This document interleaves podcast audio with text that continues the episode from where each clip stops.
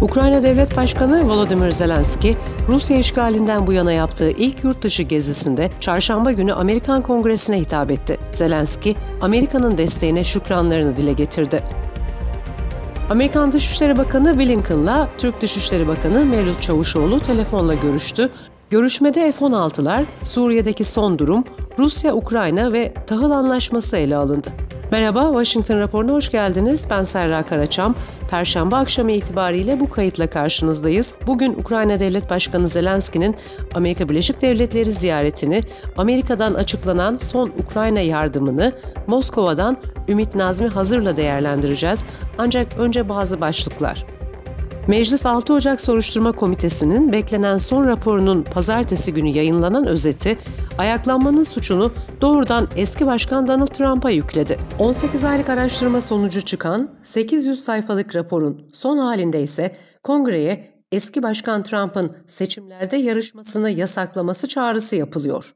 Warrants a criminal referral Temsilciler Meclisi Cumhuriyetçileri ise çarşamba günü 6 Ocak 2021'de Amerikan Kongre binasındaki güvenlik başarısızlıklarına odaklanan, kongre binası güvenliği ve isyana yanıt veren çeşitli kolluk kuvvetleri arasındaki istihbarat paylaşımı ve koordinasyondaki sorunları vurgulayan bir rapor yayınladı. Cumhuriyetçiler raporu Meclis Komitesi'nin o günkü olaylara ilişkin soruşturmasına bir çürütme olarak sunuyor.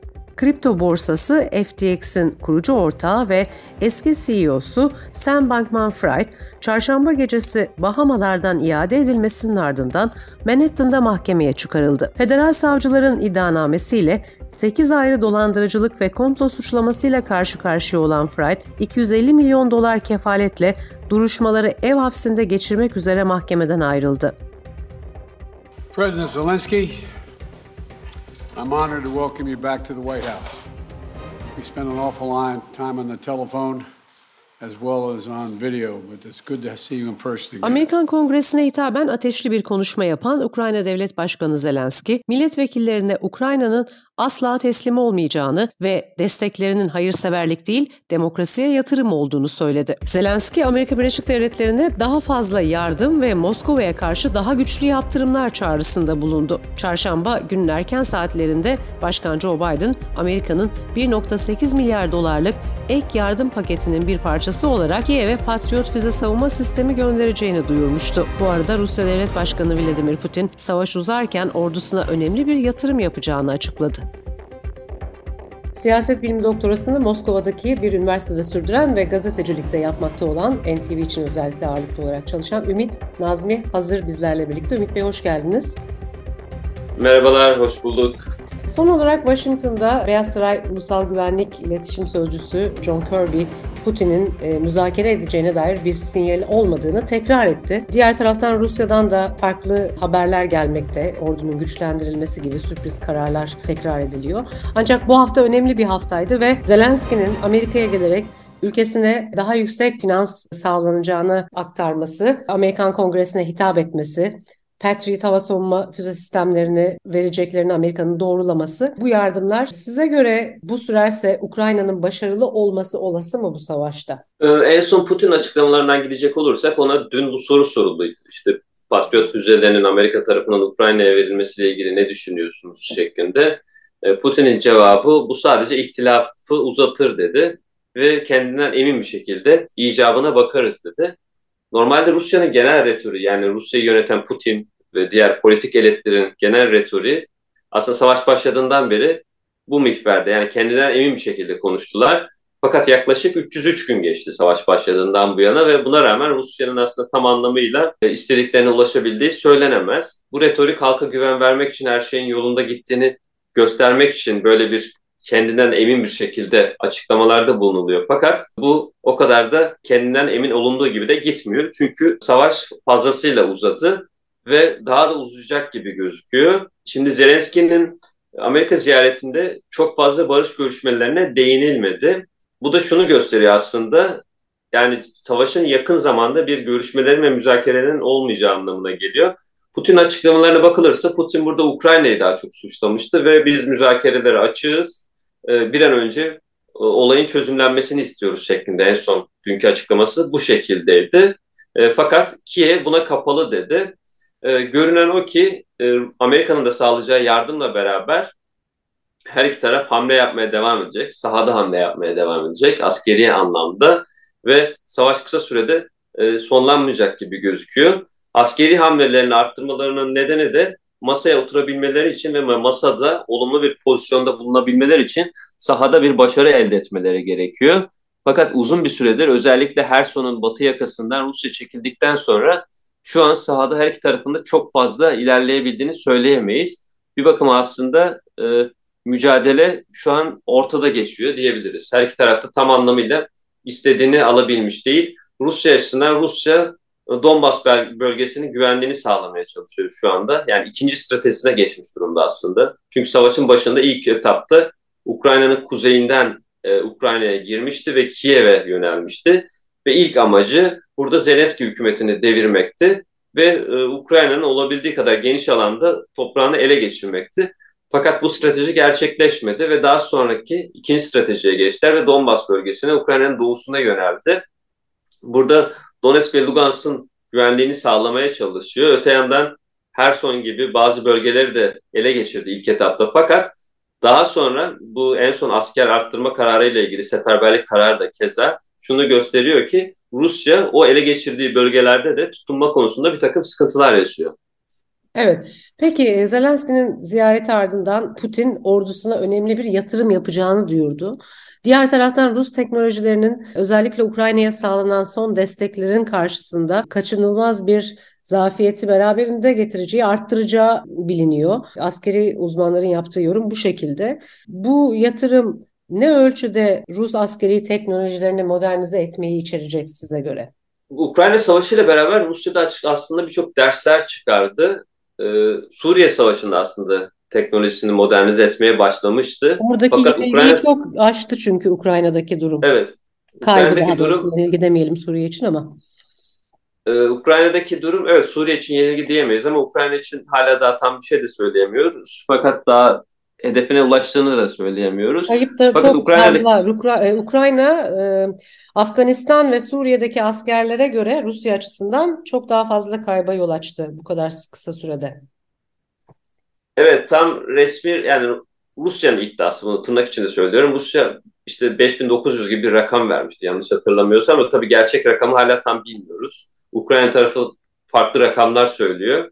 Ama hem seferberlik kararının alınması hem de asker sayısının arttırılması burada e, yani kayıp kaybın olduğunu gösteriyor.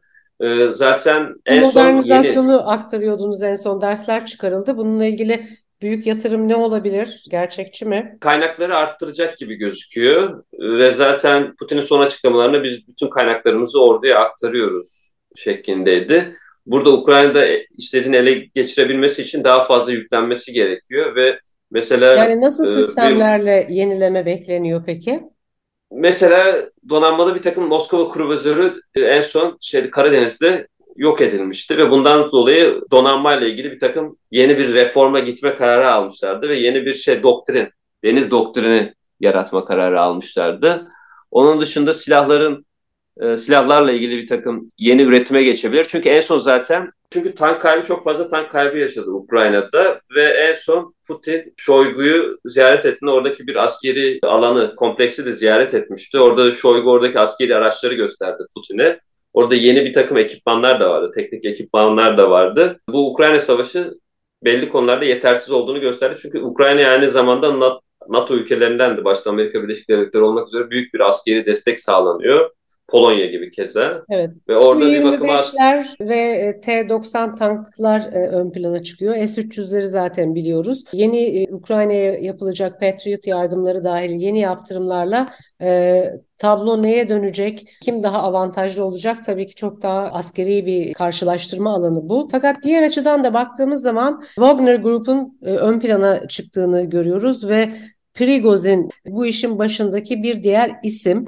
Putin'in bu başarısızlığın faturasını savunma bakanına kestiği, keseceği ve Prigozhin'in organizasyonu, gelişmiş silahlara olan erişimi e, büyüme odaklı yani Putin'in yayılmacı olarak e, Batı tarafından etiketlenen stratejisini uygulamaya daha hevesli bir duruşu olduğu aktarılıyor. Çünkü esasında Rusya içerisinde de bu savaşta dahil olmak üzere bir takım karşı çıkanlar olduğu bilinmekte. Bunlara dair ne dersin?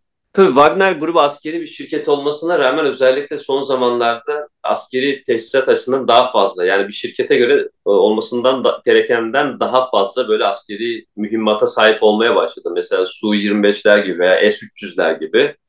E, bundan dolayı özellikle savaşın çok iyiye gitmemesiyle beraber farklı gruplar ön plana çıkmaya başladı. Mesela Wagner gibi e, veya Kadirov gibi. Tabii burada henüz şu an için e, Şoygu yani Rus kamuoyunda Şoygu'ya yönelik bir eleştiri veya suçlu arama durumu henüz yok. Bunu söylemek açısından erken. Zaten şu an savaşın sürdüğü bir ortamda Milli Savunma Bakanı'nın bu pozisyonda düşmesi Rusya'nın psikolojik üstünlüğünü, sahadaki psikolojik üstünlüğünü de kaybetmesine neden olacaktır. Mesela e, sahadaki general değiştirmişlerdi. Suriye'deki e, general, e, Ukrayna'daki özel operasyonun Rusya'sından özel operasyon olarak tanımlanıyor. Özel operasyonun başına getirilmişti. E, ve daha önce e, Kadirov'la bir Rus general arasında bir sıkıntı yaşanmıştı ve Kadirov onu çok fazlasıyla eleştirmişti. Yani Rusya'nın e, tabii sahada bir takım şeyler yolunda gitmediği sürece farklı gruplar daha fazla ön plana çıkmaya çalışıyor. Wagner grubunun başındaki kişi de o biraz daha radikal bir kişi, bir profil olarak ortaya çıkıyor. E, fakat içeride tabii bu biraz daha insider bilgi. Orada Şoygu ile ikisi arasında bir sorun olup olmadığına dair net bir elimizde done yok. O yüzden e, hala Şoygu görünen bir profil, savaşı yöneten bir profil olarak gözüküyor. Suvokin'le beraber özel operasyonun başındaki. Peki başarısızlığın sorumlusu olarak da başarısızlığın sorumlusu olarak da ona mı oklar çevrilmiş durumda o zaman? Ee, şu anda şu anda öyle bir durum yok. Henüz hani Şoygu şu an Rusya'da şey sahada başarısız olduk ve bunun nedeni tamamen Şoygu'dan kaynaklanıyor gibi bir şu anda Rus kamuoyunda böyle bir görüntü yok. Evet. Ama bu daha sonraki süreçte eğer tabii şöyle bir şey var şunu da söylemek gerekiyor. Eğer Rusya Ukrayna'da başarısız olursa keza yani tamamen misal e, Donetsk, Lugansk'ı kaybetti. Hatta Kırım'ı kaybetti diyelim. Kırım'ı kaybetmesi ihtimali çok vermiyorum. Fakat eğer kaybetti diyelim, varsayın tabii bu. Burada zaten sadece Şoygu'ya kesilmez, Putin'e de kesilir. Yani Putin'in de iktidarda kalma şansı olmayacaktır. Yani tamamen o ekibin orada bulunma şansı kalmaz öyle bir durum yaşanırsa. Çünkü Ukrayna meselesi Rusya aslında varlık meselesi. Peki diğer taraftan Amerika'nın Zelenski'nin e, Amerika'da verdiği bir diğer mesaj da yaptırımların hızlanmasıydı ve bunun ardından bir e, karar da sağlandı Temsilciler Meclisi'nde. Sürekli Rus oligarkların mallarına el konulması zaten gündemdeydi. Fakat yeni yeni isimlere ve şirketlere de yaptırım kararları geliyor ve gelmeye devam ediyor. En son el konulan mallara malların Ukrayna'ya yardım olarak verilmesi gündemde. Bunların etkisi nedir? Nasıl okuyorsunuz? Ee, zaten Rusya savaş başladıktan sonra Batı tarafından Rusya'nın varlıklarına el konulmuştu bayağı yüksek miktarda ve şimdi o tartışma konusuydu. Bunu Ukrayna'ya aktarılıp aktarılmaması konusu ve Batı'da çıkan haberlere bakılırsa bu Ukrayna'ya en son haberlere de bakılırsa Ukrayna Ukrayna'ya aktarılacak gibi gözüküyor. Tabii Ukrayna zaten çok büyük milyar dolar belki de 500 milyar dolar bildiğim kadarıyla yani Ukrayna büyük bir zarar gördü bu savaştan en çok zarar gören taraf. Bu şekilde bunun telafi edilmeye çalışıyor. Rus ekonomisi açısından bakacak olursak e, zaten savaştan önce de belli İngiltere ve Amerika tarafından bazı Rus oligarklara veya iş adamlarına yaptırımlar uygulanıyordu. Bunların dozu arttırılmış oldu.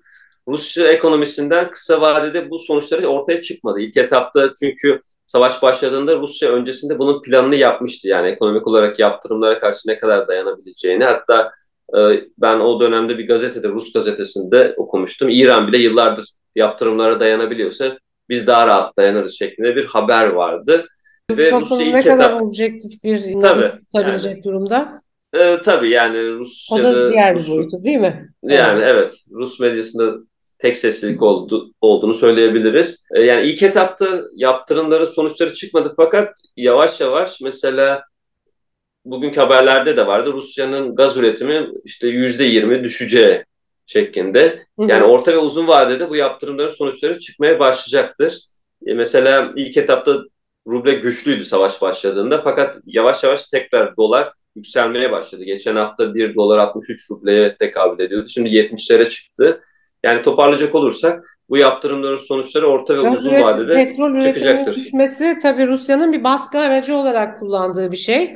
Avrupa'ya karşı da e, kullanıyor bunu. Evet, orada petrol ve doğalgaz zaten Rusya'nın en önemli kartıydı Batı'ya karşı kullandığı ve özellikle kışın ben zaten e, savaşın bahardan önce müzakerelerin başlama ihtimali olmadığını bundan dolayı da düşünüyorum. Çünkü petrolü ve doğalgazı kullanabileceği en uygun dönem baskı aracı olarak kış ve Rusya şu an ondan istifade etmeye çalışıyor. E, yani bu, bunun üzerinden Batı'yı masaya çekmeye çalışıyor ya da kendi istediklerini yaptırmaya çalışıyor ama öte yandan da tabii bir pazarını kaybetmiş oluyor. Çünkü Avrupa pazarı Rusya'nın çok önemli bir pazarı doğalgaz ve petrol konusunda. Bunu Çin ve Hindistan üzerinden ikame etmeye çalışıyor. Çin ve Hindistan'a çok fazla arttırdı. Yani kaybettiğini Avrupa'da kaybettiğini oradan telafi etmeye çalışıyor. Ama şöyle... ucuz olduğu ve talep olan bir gaz olduğu yine söyleniyor. Yani Novak en son tekrar bunu hatırlattı ve karşılığı da var aslında bu söylenenlerin. Yine Türkiye ile ilgili de ifadeleri var.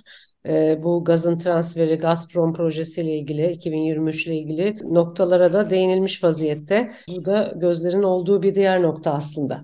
Evet kesinlikle ama işte Hindistan'a ve Çin'e mesela Hindistan'a çok e, karı düşük bir şekilde şu anda e, petrol ve gaz sattığıyla ilgili bir haber vardı. Yani Avrupa'ya sattığı, Avrupa'ya sattığından daha düşük bir kar elde etmeye başladı. Burada tabii Türkiye'nin de gaz biliyorsunuz, Türkiye'nin de gaz merkezi oluşturulması konusu gündemde. Yani farklı yöntemlerle bunu telafi etmeye çalışıyor. Fakat e, gene de Avrupa piyasasını kayıp, sonuçta büyük, büyük kayıp yaşamış oldu. Evet. Peki çok teşekkür ediyorum değerli vaktiniz için. Ee, var mı Ben teşekkür ederim. Şey? Yok, çok teşekkürler. Sağ olun. Ağzınıza sağlık. Yeniden bekleriz sizi.